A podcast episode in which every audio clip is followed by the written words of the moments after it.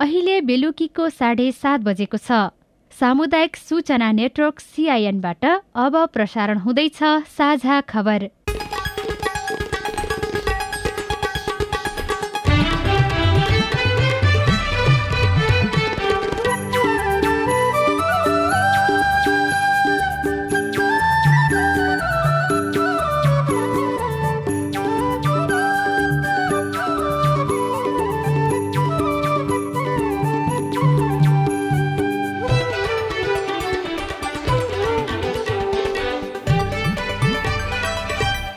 सिआइएनको साझा खबरबाट लील प्रकाश चन्दको नमस्कार। साझा खबर देशभरिका सामुदायिक रेडियो सिआइएन खबर डट कम र मोबाइल एप सिआइएनमा पनि सुन्न सकिन्छ।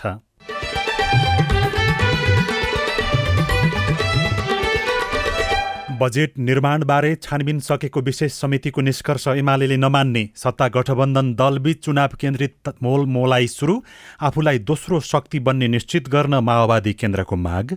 आउने प्रदेश र सङ्घको निर्वाचनमा स्थानीय तहको निर्वाचनको अनुभवलाई समीक्षा गरेर हामी तालमेल गर्दा पनि हामी पहिलो हुने हो। चौबिस घण्टामा थप चार सय अडतिसजनामा कोरोनाको संक्रमण सरकारले प्रधानमन्त्री मानव वन्यजन्तु उद्धार तथा राहत कार्यक्रम चलाउने एक अर्ब रकम दिन प्रधानमन्त्री देउबा सकारात्मक। त्यसले मध्यवर्ती क्षेत्रमा कहाँ कहाँ बाघ जाने सम्भावना छ निस्कने सम्भावना छ त्यहाँ कारोबार गरौँ। होइन मान्छेको जुन बस्तीमा नजाओस् त्यसको लागि चाहिँ एउटा ब्रिगेड टोली गठन गरेर नि हामी पठाउँ एउटा टिम गठन गरौँ बनाऊ। गण्डकी प्रदेशले सच्याएको सवारी साधन कर कार्यान्वयनमा आउन अझै एक हप्ता लाग्ने राष्ट्रपति शैक्षिक सुधार कार्यक्रमका लागि पहिलो चौमासिकमै आवेदन आह्वान बाह्र सय विद्यालय लाभान्वित हुने। बढीमा छ कोटेसम्म भवन चाहिँ बनाइदिने गरी हामीले दुई ठाउँमा दुईटा शीर्षकमा केन्द्रित गर्ने निर्णय गरेका छौँ। र बङ्गलादेशमा छ महिना मात्रै पुग्ने विदेशी मुद्रा सञ्चित सत्र वर्ष मुनिको च्याम्पियनसिप फुटबलमा नेपाल अनि भारत एकै समूहमा।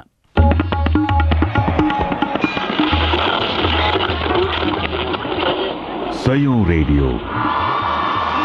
हजारौं रेडियो कर्मी र करोडौं नेपालीको माझमा यो हो सामुदायिक सूचना नेटवर्क सिआइएन जङ्गली जनावर बेमौसमी वर्षा खडेरी असिना शीतलहर हावाहुरीका कारण किसानले हरेक वर्ष लाखौंको क्षति बेहोर्ने गरेका छन्। त्यसकारण पनि बाली बिमा गर्नु महत्वपूर्ण हुन्छ किनकि बिमा गरेमा अस्सी प्रतिशत प्रिमियम सरकारले नै तिरिदिन्छ। तर तथ्याङ्क हेर्दा बाली बिमामा किसानको आकर्षण देखिँदैन। पछिल्लो आठ वर्षमा मात्रै करिब सात प्रतिशत मात्रै कृषि बालीको बिमा गरिएको छ। बाली बिमाबारे चेतना जगाउन तिनै तहका सरकारले विशेष योजना कार्यान्वयनमा ल्याउनुपर्छ। अब खबर सजना तिमल सिन्हाबाट। संसदीय छानबिन समितिले उपलब्ध प्रमाणका आधारमा निर्दोष देखिएको बताएपछि पूर्व अर्थमन्त्री जनार्दन शर्मालाई पुनः मन्त्री बनाउने कोसिस भएको बताइरहँदा नेकपा एमाले भने संसदीय विशेष समितिको प्रतिवेदनलाई मान्न नसकिने बताएको छ। समितिको प्रतिवेदनमा एमाले सांसदहरूले असहमति प्रकट गरेका थिए। आज राष्ट्रिय युवा संघले गरेको कार्यक्रममा एमाले अध्यक्ष केपी शर्मा ओलीले पनि बहुमत र अल्पमतको आधारमा प्रतिवेदन ल्याइएकाले संसदीय समितिको प्रतिवेदन मान्न नसकिने बताउनु भएको हो।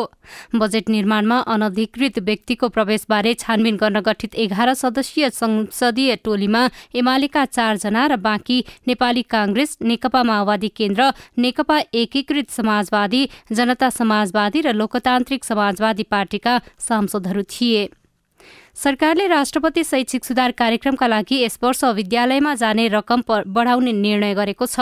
अघिल्ला वर्षमा राष्ट्रपति शैक्षिक सुधार कार्यक्रम अन्तर्गत चारकोठे भवन बनाउन छत्तीस र दुई कोठे भवनका लागि अठार लाख दिने गरिएकामा यस वर्ष विद्यालयको चार कोठे भवनका लागि हिमाली जिल्लामा साठी लाख पहाड़ी जिल्लामा पचपन्न र तराई तथा उपत्यकामा पचास लाख रुपियाँ दिने निर्णय शिक्षा मन्त्रालयले गरेको हो।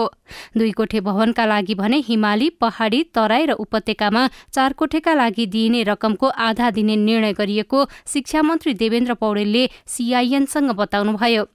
गत वर्ष सिफारिसमा परेका मध्ये तेह्र हजार विद्यालयलाई रकम दिइएकोमा यसपालि भने बाह्र सय छयत्तर विद्यालयले बजेट पाउनेछन्। यसका लागि अर्थ मन्त्रालयले आठ अर्ब अठासी करोड बत्तीस लाख रुपियाँ छुट्याएको छ। यो रकमबाट आइसिटी ल्याब भवन निर्माणका साथै विभिन्न प्राकृतिक प्रकोपबाट क्षति पुगेका विद्यालयले पनि सहयोग पाउने मन्त्री पौडेलले जानकारी दिनुभयो। राष्ट्रपति शैक्षिक सुधार कार्यक्रमलाई अझ बढी प्रभावकारी व्यवस्थित र नियमित गरौँ भनेर हामीले रकम बढाएका पनि छौँ र हामीले अरू चुहावट नहोस् भन्दै दुईटा कुरामा मात्रै केन्द्रित गऱ्यौँ गत साल पनि र अहिले पनि यो पटक पनि केन्द्रित गर्दैछौँ। भवन निर्माण र आइसिटी खास गरी डिजिटल प्रणाली शिक्षण सिकाइ प्रणालीलाई स्तरीय बनाउनको निम्ति कम्प्युटर र डिजिटल बोर्डहरू विद्यालयमा भवन बनेका ठाउँमा दिने भने भवनै नभएको ठाउँमा चाहिँ जहाँ जहाँ बनाएको छैन। एकैपटक त सम्भव नहोला तर चाहिँ बन्दै नबनेका आवश्यक भएका ठाउँमा चाहिँ दुई कोठे चार कोठे बढीमा छ कोठेसम्म भवन चाहिँ बनाइदिने गरी हामीले दुई ठाउँमा दुईटा शीर्षकमा केन्द्रित गर्ने निर्णय गरेका छौँ। अघिल्ला वर्षमा चैत वैशाख वा त्यसपछि भन्दा त्यसभन्दा पछि स्थानीय तहबाट सिफारिस माग्दा छुट्याइएको रकम फ्रिज हुने गरेकामा यो वर्षदेखि पहिलो चौमासिकमै वितरण गर्ने लक्ष्यका साथ शिक्षा तथा मानव स्रोत विकास केन्द्रले विद्यालयहरूलाई प्रस्ताव पेश गर्न आह्वान गरेको छ। इच्छुक विद्यालयहरूले यही साउन उनातिस गतेभित्र प्रस्ताव पेश गर्नुपर्नेछ। नेकपा माओवादी केन्द्रका अध्यक्ष पुष्पकमल दाहाल प्रचण्डले संघ र प्रदेशको निर्वाचनसम्म अहिलेकै गठबन्धन कायम हुने बताउनु भएको छ। अध्यक्ष प्रचण्डले अब हुने चुनावी तालमेलमा स्थानीय तहको निर्वाचनमा भएको कमजोरी सुधारेर जाने प्रतिबद्धता पनि व्यक्त गर्नुभएको छ। आज पार्टीको सम्पर्क समन्वय समितिको कार्यक्रमलाई सम्बोधन गर्दै उहाँले गठबन्धनका कारण स्थानीय तहमा तालमेल जटिल भए पनि अब संघ र प्रदेशको चुनावमा भने माथिबाट हेरेर टिकट दिन सजिलो हुने धारणा राख्नुभयो। अध्यक्ष प्रचण्डले संघ र प्रदेशको निर्वाचनमा माओवादी काङ्ग्रेस पछिको दोस्रो ठूलो पार्टी बन्ने दावी गर्दै काङ्ग्रेसले माओवादीलाई दोस्रो ठूलो पार्टी बनाउन सहयोग गर्नुपर्ने बताउनुभयो। आउने प्रदेश र सङ्घको निर्वाचनमा स्थानीय तहको निर्वाचनको अनुभवलाई समीक्षा गरेर हामी तालमेल गर्दा पनि हामी पहिलो हुने हो। कम्तीमा पनि लेफ्ट मुभमेन्टको पहिलो हुने पुरै सम्भावना छ। मैले नेपाली कङ्ग्रेसका नेताहरूसँग कुरा गर्दा भनेको छु सायद पहिलो अहिले तपाईँहरू नै हुनुहुन्छ त्यो देखियो दोस्रो चाहिँ माओवादी केन्द्र हुने हो त्यसमा सहयोग गर्ने हो भने सब चिज सहज जान्छ होइन भने सहज जाँदैन। काङ्ग्रेसका नेताहरूसँग यो विषयमा कुराकानी भइसकेको खुलासा गर्दै उहाँले आगामी निर्वाचनमा सहयोग नगरे काङ्ग्रेससँगको सहकार्य सहज नहुने चेतावनी समेत दिनुभएको छ। वन्यजन्तुका कारण मानव समुदायमा बढ्दै गएको क्षति न्यूनीकरणका लागि सरकारले एक अर्बको लागतमा प्रधानमन्त्री मानव वन्यजन्तीय वन्यजन्य उद्धार तथा राहत कार्यक्रम चलाउने भएको छ। यो कार्यक्रमका लागि प्रधानमन्त्री शेरबहादुर देउवाले पनि चासो देखाउनु भएका कारण तत्काल कार्यान्वयनमा जाने वन मन्त्रालयको भनाइ छ। मन्त्रालयले बजेट माग्दै केही दिनमा अर्थ मन्त्रालयमा प्रस्ताव पठाउने मन्त्री प्रदीप यादवले सीआईएनसँग बताउनुभयो। प्रधानमन्त्री मानव वन्यजन्ते जन्य उद्धार तथा राहत कार्यक्रमले वन आरक्ष मध्यवर्ती क्षेत्रका नागरिकलाई जीविकोपार्जनका लागि सहयोग पुग्नुका साथै बाघ हात्ती लगायतका वन्यजन्तुका कारण वर्षेनी हुने जनधनको क्षतिमा कमी आउने पनि मन्त्री यादवको विश्वास छ। निकुञ्ज एरियामा कङ्क्रिट कम्पाउन्ड वाल पनि गर्न पनि मिल्दैन त्यसले मध्यवर्ती क्षेत्रमा कहाँ कहाँ बाघ जाने सम्भावना छ निस्किने सम्भावना छ त्यहाँ काडबाड गरौँ। होइन मान्छेको जुन बस्तीमा नजाओस् त्यसको लागि चाहिँ एउटा ब्रिगेड टोली गठन गरेर नि हामी पठाउँ एउटा टिम गठन गरौँ भनौँ। अनि हामीले सबै निकुञ्जलाई हामी त्यहीँबाट निर्देशन नै गरेका थिए र त्यहाँ हाम्रो टिमले होइन त्यहाँ काम गरेर रिपोर्टसम्म ल्याएर चाहिँ दिइ नै सके चाहिँ यसै गऱ्यो भने ठिक हुन्छ। यो चुनौतीलाई सामना गर्दै किनकि अब बाघ त बढ्यो। तर अब हाम्रो एउटा नीति पनि मैले बनाएको छु हिजो पनि भने कि हामीले बाघलाई वनमा र मानिसलाई घरमा सुरक्षित राख्ने गरी वातावरण तयार गर्नुपर्छ। कार्यक्रम भनेको सबै राष्ट्रिय निकुञ्ज आसपासका बस्तीमा चल्ने हो कि अथवा बढी जोखिम भएको ठाउँमा चल्ने होइन बढी यो यो त के छ कि यो कडप रुपियाँले सबै ठाउँमा त जाँदैन। तर जहाँ वन्य जन्तु बढी छ जस्तो बर्दियामा छ पर्सामा छ शुक्ला फाटामा छ यसले प्रमुख प्राथमिकतामा राख्ने वन्यजन्तुको कारणले गर्दाखेरि अङ्गभङ्ग भएका अथवा ज्यान गुमाएका परिवारका सदस्य हुन सक्छन् त्यस्ता व्यक्ति हुन सक्छन्। उनीहरूको केही अपेक्षा होला नि तपाईँहरूबाट? त्यसको लागि केही कार्यक्रम चल्छ कि चल्दैन मन्त्रीज्यू? त्यसैको लागि मेन कार्यक्रम हो यो। टुरा व्यक्ति होइन धेरैजनाको अब श्रीमान गइसक्यो छोराछोरी त्यो सबैलाई समेट्ने गरी यो कार्यक्रम ल्याइएको छ। बाह्रवटा निकुञ्ज दुईवटा संरक्षित क्षेत्र तेह्रवटा मध्यवर्ती क्षेत्र आसपासका नागरिकका लागि प्राथमिकताका आधारमा यो कार्यक्रम चलाउने तयारी वन मन्त्रालयले गरेको छ। सन् दुई हजार दसमा एक सय एक्काइस रहेको बाघको संख्या बाह्र वर्षमा दोब्बरले बढेर तीन सय पचपन्न भएपछि सरकारले मानव वन्यजन्तु उद्धार तथा राहत कार्यक्रम चलाउने तयारी गरेको हो। गण्डकी प्रदेश सरकारले सच्याएको सवारी साधन कर तथा जरिवाना रकम कार्यान्वयनमा आउन अझै एक हप्ता लाग्ने भएको छ। राजपत्रमा प्रकाशित भएपछि मात्रै नयाँ व्यवस्था लागू हुनेछ। मुख्यमन्त्री बिरामी परेको र निको हुने बित्तिकै राजपत्रमा प्रकाशित गर्ने तयारी भएको गण्डकी प्रदेश सरकारका प्रवक्ता तथा भौतिक पूर्वाधार शहरी विकास तथा यातायात मन्त्री कुमार खड्काले सीआईएनसँग बताउनुभयो। आर्थिक वर्ष कटेर जाँदा उसको डबल फाइन भनेको दुई सय फाइन लाग्ने भयो। यसले चाहिँ अलिकति करदातामा नागरिकमा एक प्रकारको चाहिँ यो करको वृद्धि बत्तिसबाट दुई सय पुर्याउँदाखेरि साह्रै बढी बढ्यो भन्ने कुराको गुनासो आयो। त्यसलाई चाहिँ अब घटाउन हामीले सक्थेनौँ किन हाम्रो मन्त्रालयले ट्याक्स निर्धारण गर्ने पनि होइन ट्याक्स घटाउन बढाउन पनि हामीले सक्थेनौँ तर सवारी तथा यातायात ऐनमा के रहेछ एउटा व्यवस्था भन्दाखेरि कुनै त्यस्तो कुरा ऐनको व्याख्यामा कहीँ समस्या भयो भने प्रदेशको मन्त्री परिषदले त्यो व्याख्या गर्न बाधा अड्काउन पुगाउन सक्नेछ भन्ने व्यवस्था छ कि? त्यसलाई प्रयोग गरेर हामीले के भन्यौँ त भन्दाखेरि पाँच वर्षपछि दोब्बर तिर्ने भनेको एक सय तिर्ने भनेको प्रत्येक वर्षमा बिबिस तिर्ने हो बिस चालिस साठी अस्सी सय भन्ने व्याख्या गऱ्यौँ। त्यो व्याख्या क्याबिनेटले स्वीकार दिँदाखेरि करदाताले चाहिँ जो जसलाई चाहिँ दुई सय तिर्न पर्ने थियो। उहाँहरूले अब बिस तिरे हुने भयो एक वर्षको भन्ने निर्णय गरायौँ हामीले। गत बुधबार सीआईएनले पोखरामा गरेको छलफलमा मन्त्री खड्काले ऐनमा भएको त्रुटिका कारण नागरिक मर्कामा पर्ने भएकाले सच्याउने प्रतिबद्धता व्यक्त गर्नुभएको थियो। सोही दिन बसेको गण्डकी प्रदेशको मन्त्री परिषद बैठकले सवारी साधन कर तथा जरिवाना रकम सच्याउने निर्णय गरेको थियो। यसैबीच गण्डकी प्रदेश सभाले पर्यटकलाई यातायातको सुविधा दिन सरकारले नै गाडी किनेर सञ्चालन गर्न पाउने गरी ऐन ल्याएको छ। हिजो संसदबाट पारित भएको ऐनले पर्यटकलाई गुणस्तरीय यातायात सुविधा उपलब्ध गराउन सरकार आफैले अग्रसरता लिन सक्ने गरी व्यवस्था गरेको सरकारका प्रवक्ता खड्काले जानकारी दिनुभयो।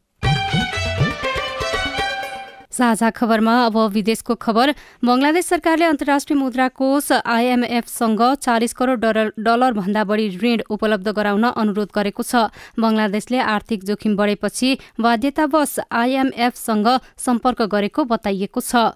र इराकमा प्रदर्शनकारीले एकै हप्तामा दोस्रो पटक संसदमा आक्रमण गरेका छन्। इराकका सिया नेता मुक्ताका अल सद्रका समर्थकहरूले नयाँ प्रधानमन्त्रीको मनोनयन रोक्न संसद कब्जा गरेका छन्। साझा खबरमा एउटा खेल खबर सात सत्र वर्ष मुनिको च्याम्पियनसिपमा नेपाल र भारत एकै समूहमा परेका छन्। दक्षिण एसियाली फुटबल महासंघ साफले आज सार्वजनिक गरेको समूह विभाजनमा नेपाल रहेको समूह बीमा भारतसँगै भूटान पनि छ। समूह एमा आयोजक श्रीलंका मालदिप्स र बंगलादेश रहेका छन्।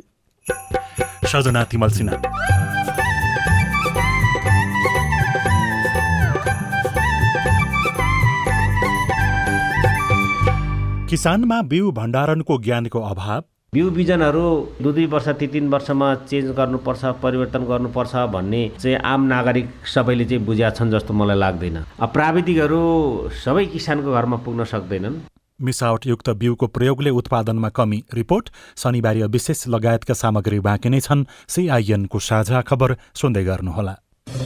उठाउनु पर्ने आवाजहरू सदनमा उठाउनु भएको छ। तपाईँलाई धन्यवाद दिनुपर्ने हुन्छ। कानुन निर्माणमा नागरिक सहभागिता सिद्धान्त र अभ्यास। पारित गरियोस् भन्ने प्रस्ताव दुई तिहाई बहुमत भन्दा बढी मतबाट पारित भएको घोषणा गर्दछु। कानुन कार्यान्वयनमा सांसद र संसदको जवाफदेहिता। र जिल्लाको र समग्र मुलुकका चाहिँ सवालहरूलाई संसदमा उठाउने सवालहरूमा म आफूले सशक्त ढङ्गले भूमिका खेले भन्ने लाग्छ। संसदीय प्रक्रियामा जनता र सरकारवाला निकायको नजर। युवाको क्षेत्रमा त्यति धेरै काम भएको छैन। युवालाई चाहिँ ओजरमै राखेर अहिले काम भइरहेको छ। युवाहरूलाई चाहिँ रोजगारीमा जोड्नुपर्छ भनेर अहिले केही कार्यक्रमहरू पनि सञ्चालन गरेका छौँ। जनतादेखि नेतासम्म नीतिदेखि नेतृत्वसम्म युवा सीमान्तकृत वर्ग जाति अल्पसंख्यकका सवालहरू। जनताको कुरा राख्ने ठाउँ संसदै हो। हामी कार्यपालिका होइन व्यवस्थापिका हो नीति निर्माण गर्ने हो। अब सवाल मात्रै होइन जवाबसँगै देखिन्छ प्रभाव पनि। कार्यक्रम हेलो सांसद। सिआइएन मार्फत मुलुकभरका सामुदायिक रेडियोमा हरेक बिहिबार बेलुकाको साझा खबरमा र भोलिपल्ट शुक्रबार बिहान साढे छ बजे कार्यक्रम हेलो सांसद। सिआइएनको फेसबुक पेज र युट्युब च्यानलमा साङ्केतिक भाषामा पनि हेर्न सक्नुहुनेछ। युएनडिपी संसद सहयोग परियोजना र अकुराबको सहकार्य। सामाजिक रूपान्तरणका लागि यो हो सामुदायिक सूचना नेटवर्क सिआइएन तपाईँ सामुदायिक सूचना नेटवर्क सीआईएनले तयार पारेको साझा खबर सुन्दै हुनुहुन्छ। देशका छवटै महानगरका प्रमुखहरूको सम्मेलन पोखरामा सकिएको छ। हिजो र आज चलेको सम्मेलन आउँदो वर्षको सम्मेलन भरतपुरमा आयोजना गर्ने निर्णय गर्दै सकिएको पोखरा महानगरपालिकाका प्रमुख धनराज आचार्यले सीआईएनसँग बताउनुभयो। उहाँका अनुसार थप निर्णयहरू भने भोलि पत्रकार सम्मेलन मार्फत जानकारी दिइनेछ। पछिल्लो चौबिस घण्टामा चार सय अडतिसजनामा कोरोना भाइरसको संक्रमण पुष्टि भएको छ। स्वास्थ्य तथा जनसङ्ख्या मन्त्रालयका अनुसार तीन हजार छ सय उनासय परीक्षणमा चार सय अडतिसजनामा संक्रमण पुष्टि भएको हो। एक हजार सात सय उनासी पिसिआर परीक्षणमा दुई सय बयानब्बे र एक हजार नौ सय बिस एन्टिजेन परीक्षणमा एक सय छयालिसजनामा संक्रमण पुष्टि भएको हो। पछिल्लो चौबिस घण्टामा दुई सय सतहत्तरजना संक्रमण मुक्त भएका छन्। मन्त्रालयका अनुसार कोरोना संक्रमणका कारण पछिल्लो चौबिस घण्टामा दुईजनाको मृत्यु भएको छ। नेपालमा व्यवस्थित बिउ भण्डारणको ज्ञान नहुँदा किसानले राम्रो उत्पादन लिन सकेका छैनन्। मिसावटयुक्त खाद्यान्नलाई नै बिउको रूपमा प्रयोग गर्ने परिपाटीले कृषि उपज उत्पादनमा प्रतिकूल असर पर्दै आएको छ। कृषि विज्ञका अनुसार धान मकै कोदो गहुँ लगायत अन्न दलहन तथा तेलन जातमा हरेक तिनदेखि चार वर्षभित्रमा कम्तीमा एकपटक अनिवार्य बिउ परिवर्तन गर्नुपर्ने हुन्छ। तर यसबारेमा किसानलाई खासै जानकारी हुँदैन। धनकुटा नगरपालिका वडा नम्बर छका एकजना किसान सन्तवीर मोक्तान। बिउ बिजनहरू चाहिँ दुई दुई वर्ष ती तिन वर्षमा चेन्ज गर्नुपर्छ परिवर्तन गर्नुपर्छ भन्ने चाहिँ आम नागरिक सबैले चाहिँ बुझ्या छन् जस्तो मलाई लाग्दैन। किन लाग्दैन भने प्राविधिकहरू सबै किसानको घरमा पुग्न सक्दैनन् र किसानहरू पनि यहाँ गइयो भने चाहिँ नि प्राविधिक कहाँ जाँदाखेरि चाहिँ प्राविधिक सरसल्लाह पाइन्छ प्राविधिक ज्ञान पाइन्छ भन्ने सबै किसानलाई थाहा पनि छैन। र हाम्रा जति पनि कृषिका प्राविधिकहरू हुनुहुन्छ उहाँहरू हरेक किसानको घरमा पुग्न सक्नुहुन्न। धेरै वर्षसम्म बिउ परिवर्तन नगर्ने पुरानो कृषि प्रणालीका कारण बिउको जातीय शुद्धता उमार शक्ति र उत्पादन क्षमता समेत घट्दै गएको विज्ञहरूको भनाइ छ। यसबारेमा बिउ उत्पादक र प्रयोगकर्ता किसान चनाखो हुनुपर्ने बताउनुहुन्छ एकजना कृषि प्राविधिक फत्त बहादुर बरुवाल। उत्पादकत्व बढाउन उत्पादन क्षमता होइन हजुर घट्दै जान्छ दुई तिन वर्षमा ह्रास हुन्छ भनिन्छ नि। तर अब त्यो व्यावहारिक रूपमा चाहिँ धेरै किसानले त्यो फलो गरेको अवस्था छैन। त्यो त कति भनौँ न ट्वेन्टी फाइभ पर्सेन्टले पनि फलो गर्न सक्ने अवस्था छैन। किनभने त्यो बिउमा पहुँच अब सबै किसानलाई होइन? अब सिजनमा किसानहरू आउनुहुन्छ अब बिउ हामीसँग पर्याप्त छैन भनेपछि होइन? उहाँहरू त फेर्न पाउनु भएन। हिजो आज भारतबाट खुलम खुल्ला नेपाल भित्राइने कृषि उपजका कमसल र गुणस्तरहीन बिउले किसानले घाटा बेहोर्दै आएका छन्। यसमा तिनै तहका सरकारको ध्यान जान नसकेको किसानको गुनासो छ। भरपर्दो स्रोत केन्द्रबाट उत्पादित बिउको प्रयोग गर्न सुझाव दिँदै फेरि कृषि प्राविधिक बरुवाल। शुद्ध बिउ एउटा भरपर्दो चाहिँ संस्थाबाट नि स्रोत बिउ चाहिँ के हुनु पर्यो त? शुद्ध बिउ हुनु पर्यो। इम् इम्प्रुभ सिड छ भने पन्ध्र बिस प्रतिशतसम्म बिस एक्काइस प्रतिशतसम्म उत्पादन चाहिँ बढी लिन सकिन्छ भन्छौँ नि हामी। पशु अन्न फलफुल दलहन तेलन लगायत कृषि वस्तुको बिउ स्रोत केन्द्रमा लगानी बढाउन स्थानीय सरकारले पनि बजेटको व्यवस्था गर्न सक्छन्। सरकारवाला निकायको अनुदान वा सहुलियत बिना गुणस्तरीय कृषि उत्पादनमा किसानले गरेको प्रयासले मात्र सार्थकता पाउने देखिँदैन। Vidur Khawas CIN radio Lali Gurans Dhankuta. Radio तिनजुरेका अनुसार तेह्रथुम र धनकुटामा बन्दाले राम्रो मूल्य पाएपछि किसान भने खुसी भएका छन्। गत वर्ष पाँच रुपियाँमा बिक्री भएको बन्दा अहिले पच्चिस रुपियाँसम्म बिक्री हुन थालेको छ। गाउँ गाउँमा सडक सञ्जाल जोडिएसँगै फस्टाएको तरकारी खेती किसानको मुख्य आमदानीको स्रोत बन्न थालेको छ। साझा खबरमा अब हेलो सिआइएन स्नेहा कर्णबाट। म मयराम कार्की नेपालगञ्जबाट कुलपुर नगरपालिका एकबाट बोलिरहेको छु जग्गा नाति भइसकेको छ लाल पूजा परिसर वितरण गर्ने। तपाईँको जिज्ञासा मेटाउँदै हुनुहुन्छ कोहलपुर नगरपालिकाका प्रमुख प्रशासकीय अधिकृत टिकाराम ढकाल। जग्गा नापजाँच चाहिँ हाम्रो नगरपालिका आफैले गरेको हो। अब त्यसपछि त्यो पहिलाको आयोग पनि विघटन भयो र त्यसपछि दोस्रो आयोग बनेपछि अहिले चाहिँ राष्ट्रिय भूमि आयोग बनेको छ। राष्ट्रिय भूमि आयोगको जिल्ला मा पनि कमिटीहरू बनिसकेको छ बनेर जिल्ला आयोगले चाहिँ यहाँ नाप्नुपर्छ भनेर नाप्नलाई आदेश दियो भने त्यसपछि चाहिँ अनि पूर्जा वितरणको प्रक्रिया अगाडि बढ्ने हुने हो। अब जिल्ला आयोगले नाप्नुपर्ने हुन्छ त्यो हामीले नगरपालिकाले नापेकोलाई जिल्लाले चाहिँ जबसम्म नापेर सदर गरिदिन्छ त्यसपछि हामी त्यो पाउँछौँ। र हामीले अगाडि बढाइराखेका छौँ। यो अब दुई तिन महिनामा चाहिँ यो अगाडि बढ्छ होला जस्तो लाग्छ। बागलुङको जैमिनी नगरपालिकाका हरिबहादुर मगर प्रश्न गर्दै हाम्रो फेसबुक पेजमा लेख्नुहुन्छ नयाँ आर्थिक वर्ष दुई हजार उनासी अस्सीमा प्रधानमन्त्री रोजगार कार्यक्रम कहिलेबाट सुरु हुन्छ? तपाईँको प्रश्न हामीले जैमिनी नगरपालिकाका रोजगार संयोजक सुरेश पुन समक्ष राखेका छौँ। यसपालि पनि हुन्छ। हामी त्यो तयारी चाहिँ गरिराखेका छौँ। त्यसको अब नयाँ कार्य अस्ति बजेटमा अलिकति कार्यविधि चेन्ज भएर आउने भनेको भएर हामी त्यो कार्यविधिको प्रतीक्षामा छौँ अहिले। र केही योजनाहरू चाहिँ हामीले वडाहरूबाट योजनाहरू सङ्कलन पनि गरिराखेका छौँ अहिले र तिनीहरूलाई प्राथमिकरणको कामहरू चाहिँ अहिले भइराखेको छ। काम ठ्याक्कै यतिखेर सुरु हुन्छ भनेर भन्न सकिने अवस्था छैन र टेन्टेटिभ हाम्रो प्लान भनेको चाहिँ यो दसैँ तिहारको बिचबाट हामी काम सुरु गर्ने भन्नेमा चाहिँ छौँ। तपाईँ जुनसुकै बेला हाम्रो टेलिफोन नम्बर शून्य एक बाहन्न साठी छ चार छमा फोन गरेर आफ्नो विचार गुनासो प्रश्न तथा प्रतिक्रिया रेकर्ड गर्न सक्नुहुनेछ। तपाईँ सामुदायिक सूचना नेटवर्क सिआइएनले काठमाडौँमा तयार पारेको साझा खबर सुन्दै हुनुहुन्छ। स्थानीय कला र संस्कृति संरक्षणमा चासो। जब थाक्यो हजुरले काहीँ परेसान पर्यो एकछिन बजायो फेरि हामक आइहाल्छ चार पहिला छिट्यो। गायनमा सर्जकहरूको लगाव शनिबार विशेष बाँकी नै छ। सिआइएनको साझा खबर सुन्दै गर्नुहोला। मम्मी खाजा। मम्मी मेरो होमवर्क गर्ने कापी। बुहारी एकदम खुट्टा दुख्यो। बुहारी चिया खान मन लागेको थियो। बुढी कपडा मैलो भएछ। अरे मेरो परिवार। भर्खरै सुनेको संवाद तपाईँलाई कस्तो लाग्यो? यही संवादलाई फेरि एकपटक यसरी सुनौ न है। मम्मी खाजा आज म बनाउँछु। मिठो बनाउँछु है। मम्मी मेरो होमवर्क गर्ने कापी। मैले खोजिसके। अब म होमवर्क गर्छु। बुहारी एकदम खुट्टा दुख्यो। छोराले तेल तताएर लगाइदिएपछि अलि आराम भयो। बुहारी चिया खान मन लागेको थियो। सबैको लागि बनाएको छु। आऊ सबैजना खान। बुढी कपडा मैलो भएछ। घर नि कस्तो फोहोर। कपडा धोएर भ्याए। अब घर सफा गर्छु। कोरोनाको महामारीबाट बस्न पनि त सरसफाइ जरुरी छ नि। आहा मेरो परिवार। तपाईँलाई दोस्रो संवाद कस्तो लाग्यो? पक्कै राम्रो लाग्यो। हो। तपाईँ हामी बीच जिम्मेवारी बोध भयो भने एक अर्का बीचको निकटतालाई अझ राम्रो बनाउन सकिन्छ। बाढी चोडी जिम्मेवारी परिवारमा समझदारी। महिला बालबालिका तथा ज्येष्ठ नागरिक मन्त्रालय युएन वुमन ल्याक र अकुराबको सहकार्य। सामाजिक रूपान्तरणका लागि यो हो सामुदायिक सूचना नेटवर्क सिआइएन तपाईँ सामुदायिक सूचना नेटवर्क सिआइएनले काठमाडौँमा तयार पारेको साझा खबर सुन्दै हुनुहुन्छ। अब शनिबार विशेष। गाउँघरमा गोठालो जाँदा होस् या मेलापात वनपाखा घन्काउने गरी गीत गाउने चलन हुन्छ। कोही पात बजाउँछन् कोही बाँसुरी तर हिजो आज अर्म पर्म मेलापात र वनपाखा मात्रै होइन गाउने बजाउने चलन पनि हराउँदै गएको छ। पुरानो पुस्तालाई भने बाँसुरी मोहले अझै छोडेको छैन।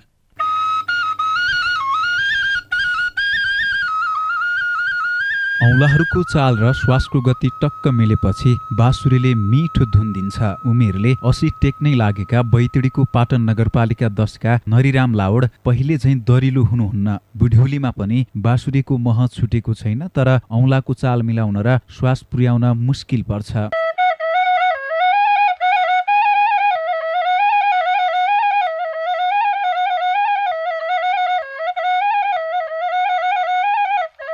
बाल्यकालदेखि बाँसुरीसँग बसेको प्रीति सजिलै छुट्ने कुरा पनि भएन। चिन्नेहरू उहाँलाई बाँसुरी बाजे पनि भन्छन्। हुन पनि बाँसुरीको धुन बनेर पोखिन्छन्। नरिरामका दुःख अनि धुनमै मिसिन्छन् खुसीका बिम्बहरू। जब थाक्यो हजुरले काहीँ परेसान पर्यो एकछिन बजायो फेरि हामक आइहाल्छ चार पहिला छिट्यो। द्वापर युगमा भगवान कृष्णले गोपिनीहरूलाई बाँसुरीको धुनले मोहनी लगाएको पौराणिक कथाहरूमा सुन्न पाइन्छ। नरिरामलाई बाँसुरीसँग मोहनी बस्नुका कारण यस्तै कथाहरू पनि हुन्। चौमासको बेलामा झुमझुम्या पानी लुमलुम्या हौलो लाग्छ आफ्नो दशा सप्य भयो भने छ सात भुइँसाको पनि एउटा राम्रो एकल बल्लो दुई चार खसी पछिल्लो लाएर राख्यो अब जम्मा त्यहाँ गोला बसे त रन्का आयो बाँसुरी बाँसुरीले मनलाई आनन्दित मात्र बनाउँदैन श्वास प्रश्वास र नसालाई चुस्त राख्न समेत सघाउँछ तर अहिलेका युवा पुस्तालाई गाउने मोहन बजाउने नरिरामलाई नयाँ पिँढीले रहन सहन र संस्कृति नभुले हुन्थ्यो जस्तो लाग्छ।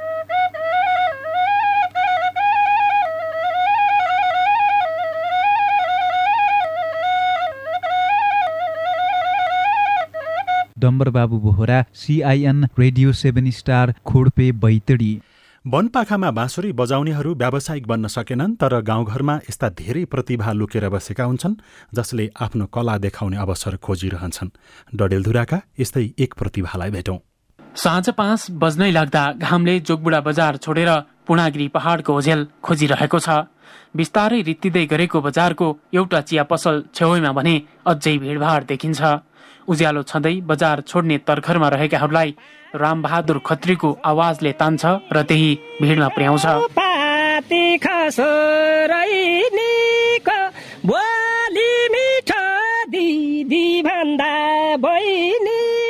भिडले रामबहादुरलाई उत्साह थपिरहेको छ। कुनै बेला ठाडी भाका कुनै बेला लोकगीत र दोहोरीका टुक्काहरू सुन्नेहरूले आफ्ना रुचि अनुसारका गीत अनुरोध गर्छन्। रामबहादुर अनुरोधलाई सहजै स्वीकार्नुहुन्छ।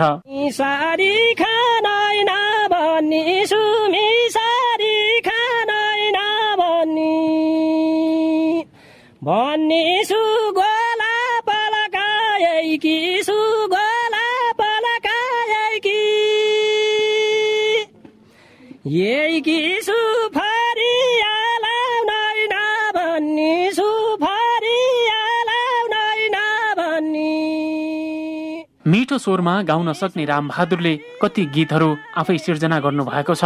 सानैबाट गीत गाउने र सिर्जना गर्ने रुचि भए पनि कलाकारितामा लाग्ने उहाँको सपना भने पुरा हुन सकेन। बचपनदेखि गाएको हो। मैले बाह्र वर्षबाट हलो खेपेको हो। हलो खेपेर मैले आफ्नो भाइ बहिनीहरू आमाहरूलाई मैले चाहिँ त्यसरी नै पाल्नमा गएर मैले नपढ्ने अवसर पाएँ न केही। त्यस्तै अब आफ्नो जिन्दगी मैले त्यतिकै रामबहादुरका गीतहरू सुन्ने उहाँको खुलेर प्रशंसा गर्छन् अनि आफ्नै गीत रेकर्ड गराउन सुझाव पनि दिन्छन्। यताउता अगेर बगेर गानाहरू गाउँछु। मैले आफ्ना गानाहरू पनि बनाएको छु हल्का फुल्का। कलाको खानी भएकाहरू गाउँकै कुना कन्दराहरूमा हराइरहेका छन्। यस्ता प्रतिभाहरूको पहिचान गरेर व्यावसायिकतामा ल्याउन सके उनीहरूको जीवनस्तर समेत परिवर्तन गर्न सकिन्छ। Tarkaraj Bhatt CIN radio Margadhi Dadeldhura.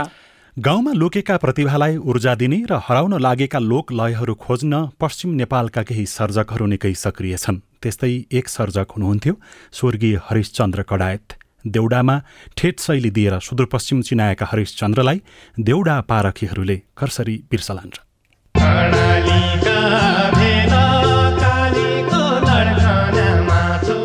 स्वर्गीय हरिश्चन्द्र कडायतको यो सिर्जना अहिले पनि उत्तिकै लोकप्रिय छ।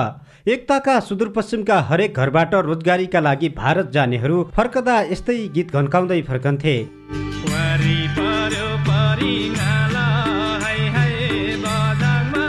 विक्रम सम्म दुई हजार छब्बिस सालमा बझाङको छब्बिस पाथिभेरा गाउँपालिका दुई मुङ्लामा जन्मनुभएका कडायत डेउडा गायनमा अब्बल हुनुहुन्थ्यो। मस्तिष्क घातका कारण चौवन्न वर्षका कडायतको बुधबार निधन भयो। सुदूरपश्चिमले डेउडाका एक योद्धा गुमाएको बताउनुहुन्छ। सत्यवादी माध्यमिक विद्यालय भोपुरका शिक्षक लक्ष्मण प्रसाद उपाध्याय। स्कुल पढ्दाखेरि अलिकति तलमाथि भए पनि सँगै स्कुल पढेको भएका हुनाले उहाँ चाहिँ स्वरका धनी स्वर सम्राट हरिचन्द्र कडायतको देहावसानले सुदूरपश्चिमभरि उहाँको जुन योगदान छ जुन लोक साहित्य लोक डेउडामा जुन त्यो त हामी कहिल्यै पुरा गर्न सक्दैनौँ। त्यति अमूल्य योगदान दिएर जानु भएको छ। त्यसले सारा सुदूरपश्चिमवासीलाई स्तब्ध तुल्याएको छ। गायक कडायतले सिर्जना गरेका अधिकांश गीतहरू चर्चित बनेका छन्। डेउडा पारखीको मनमा बसेका उहाँका गीतहरू अनन्तसम्म बाँचिरहनेछन्। स्वरका धनी कडायत शब्द सिर्जनामा पनि पोख्त हुनुहुन्थ्यो। उहाँका पचास भन्दा बढी गीत रेकर्ड भएका छन्। जीवनको अन्तिम घडीसम्म पनि कडायत सङ्गीतमा सक्रिय हुनुहुन्थ्यो। केही समय वैदेशिक रोजगारीमा रहे पनि पछि फर्किएर सङ्गीतमै लाग्नु भएको थियो। तर गृह जिल्ला बझाङमा सङ्गीत केन्द्र खोलेर लुकेका प्रतिभा उजागर गर्ने उहाँको सपना साकार हुन पाएन। बल्ल छोराछोरी मैले गीत गाएको बेला मेरा घर आउने बाधी तु बाधी यही भन्न होइन त्यतिखेरको स्थितिमा। असो हर्षदाई मऱ्यो बजाइ गाने मऱ्यो भने पनि ओहो फलान मान्छे मऱ्यो भन्ने हुन्न त्यो पिरियडमा त्यस्तो स्थिति थियो र अहिलेको पिरियडमा चाहिँ अलिक चेन्ज छ। म त गाएँ गाएँ। म पछिको जुन भावी पिँढीहरू छ उहाँहरूलाई चाहिँ सानो यहाँ यताबाट वर्षबाट गाउनुको लागि मात्र मैले स्थानीय भाषालाई कपडाहरू छन् यो भाषालाई सम्बन्धित ठाउँमा पुऱ्याउने सम्बन्धित निकायहरूले चाहिँ यसलाई प्रायोरिटी देऊ अथवा प्राथमिकता देऊ भन्ने मात्र चाहना हो मेरो। कडायतले देउडाको प्रचार र विकासमा खेलेको भूमिका स्मरण गर्न लायक छ। देउडा र ठाडी भाकाको क्षेत्रमा सक्रिय कडायतले संसार छोडे पनि सुदूरपश्चिमको मौलिक संस्कृतिलाई माया गर्ने जमातले उहाँलाई बिर्सन नसक्ने बताउनुहुन्छ। वरिष्ठ देउडा गायक तथा सर्जक नरेन्द्र राज रेग्मी। आफैमा पनि विज्ञ यज्ञ र डिग्री होल्डर चाहिँ एउटा व्यक्तित्व तर पनि चाहिँ मतलब कि यो देउडा संस्कृतिको लागि उहाँले सबै थाती राखेर जो यसमा समर्पण गर्नुभयो आफ्नो अहिलेसम्मको जीवन उहाँलाई यो सिङ्गो नेपालका श्रोता र दर्शकले कहिल्यै बिर्सिने छैन र अझै सुदूरपश्चिमको प्रत्येक जनजीवनले उहाँको पार्थिव शरीर गए पनि उहाँका कृतिहरू र उहाँ सधैँ अमर रहने कुरा मलाई विश्वास छ। वरिष्ठ गायक कडायतको निधनपछि सुदूरपश्चिममा ठाडी भाखाको मेरुदण्ड नै भाँचिएको पुराना कलाकारहरू बताउँछन्।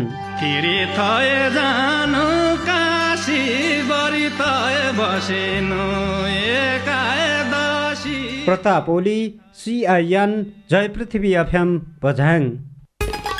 Budget निर्माणबारे छानबिन सकेको विशेष समितिको निष्कर्ष एमाले नमान्ने अध्यक्ष केपी शर्मा ओलीले बताउनु भएको छ। सत्ता गठबन्धन दलहरूबीच चुनाव केन्द्रित मोलमोलाई सुरु भएको छ। आफूलाई दोस्रो शक्ति बन्ने निश्चित गर्न माओवादी केन्द्रका अध्यक्ष प्रचण्डले काङ्ग्रेससँग माग गर्नुभएको छ। सरकारले प्रधानमन्त्री मानव वन्यजन्तु उद्धार तथा राहत कार्यक्रम चलाउने भएको छ। एक अर्ब रकम दिन प्रधानमन्त्री देउबा सकारात्मक देखिनु भएको छ। गण्डकी प्रदेशले सच्याएको सवारी साधन कर कार्यान्वयनमा आउन अझै एक हप्ता लाग्ने देखिएको छ। राष्ट्रपति शैक्षिक सुधार कार्यक्रमका लागि पहिलो चौमासिकमै आवेदन आह्वान गरिएको छ। यसपटक बाह्र सय विद्यालय लाभान्वित हुने भएका छन्। हवस् त आजलाई साझा खबरको समय सकियो। प्राविधिक साथी सुरेन्द्र सिंहलाई धन्यवाद। भोलि साउन पन्ध्र गते बिहान छ बजेको साझा खबरमा फेरि भेटौँला। अहिलेलाई लील प्रकाश चन्द पनि बिदा हुन्छु। नमस्कार शुभरात्री।